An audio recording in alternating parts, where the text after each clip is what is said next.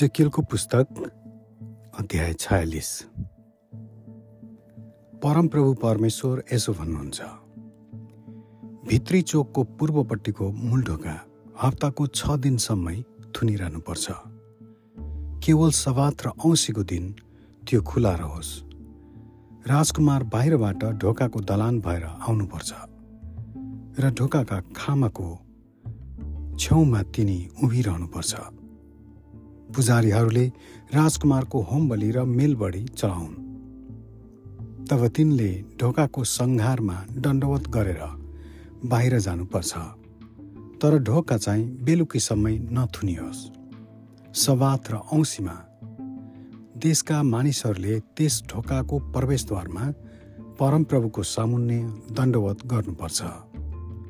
सवात दिनमा राजकुमारले परमप्रभुको निम्ति चढाउनु पर्ने होम बलि यस्तो हुनुपर्छ। छवटा निस्खोट थुमा र एउटा निस्खोट भेडा। भेडासित चढाइने अन्नबली एक एपा होस् र थुमाहरूसित चढाइने अन्नबली जति इच्छा लाग्छ त्यति नै। त्यसबाहेक हरेक एपाको साथ एक हिन तेल चढाइयोस्। औँसीमा तिनले एउटा बाछो छवटा थुमा र एउटा भेडा चढाउनु पर्छ ती जम्मै निस्कोट हुनुपर्छ। बाछो र भेडासित अन्नबली एक एपा र थुमाहरूसित चढाइने अन्नबली जति इच्छा लाग्छ त्यति नै। साथै हरेक एपासित एक हिन तेल तिनले थपेर चढाउन्।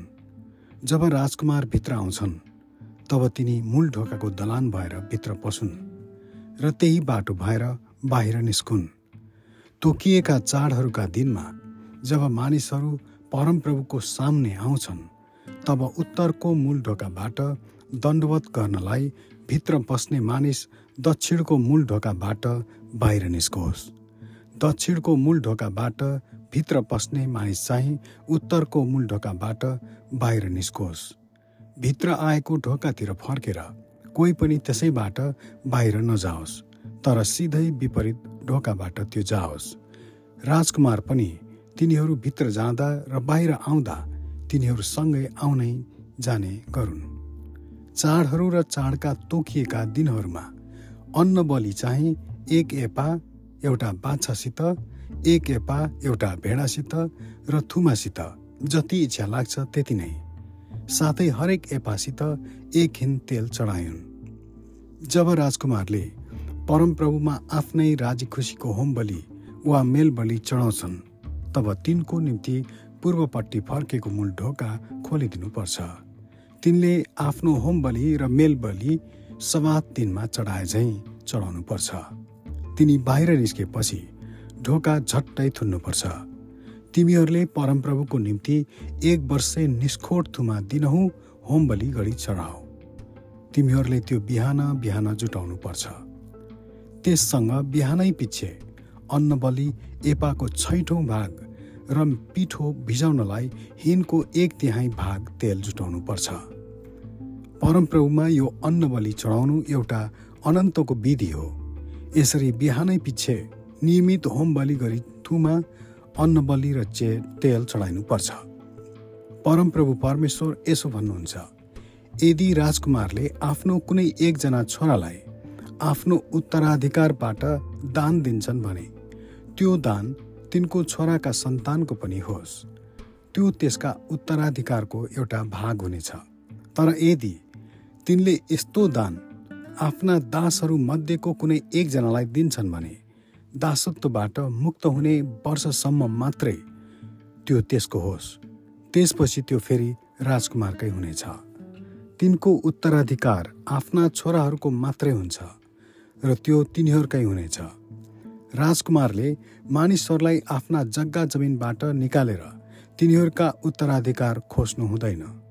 तिनले आफ्नै जग्गा जमिनबाट केही भाग आफ्ना छोराहरूलाई उत्तराधिकारको रूपमा दिनुपर्छ ताकि मेरा प्रजामध्ये कोही पनि आफ्नो जग्गा जमिनबाट नछुटियोस्। तब ती मानिसले मलाई मूल ढोकाको छेउमा भएको प्रवेशद्वारबाट भएर उत्तरतिर फर्केर पवित्र ढोकाहरूमा ल्याए। जुन ढोका जुन कोठा पुजारीका निम्ति अलग राखिएका थिए र पश्चिमको कुनामा एउटा ठाउँ मलाई देखाए तिनले मलाई भने यो त्यही ठाउँ हो जहाँ पुजारीहरूले दोष बलि र पाप बलिका मासु पकाउने गर्नेछन् र अन्न बलि पोल्ने गर्नेछन् कि तिनीहरूले ती बलिहरू बाहिर चोकमा नलगुन् र मानिसहरूलाई पवित्र नगरून्। त्यसपछि तिनले मलाई बाहिरी चोकमा र चोकका चारै कुनातिर ल्याए र मैले हरेक कुनामा एउटा अर्को चोक देखेँ। बाहिरी चोकका चारै कुनामा। यी चारै चोक पर्खालले घेरिएका र एकै नापका थिए। यी चोकहरू चालिस हात लामो र तिस हात चौडा थियो। चारै चोकका चारैपट्टि ढुङ्गाका लहर थिए। ती लहरहरू मुनि चारैतिर चुलाहरू बनाइएका थिए। तिनले मलाई भने यी तिनै भान्सा घरहरू हुन् जहाँ मा मन्दिरमा सेवा गर्नेहरूले मानिसहरूका बलिदानहरू पकाउने छन् आमेन।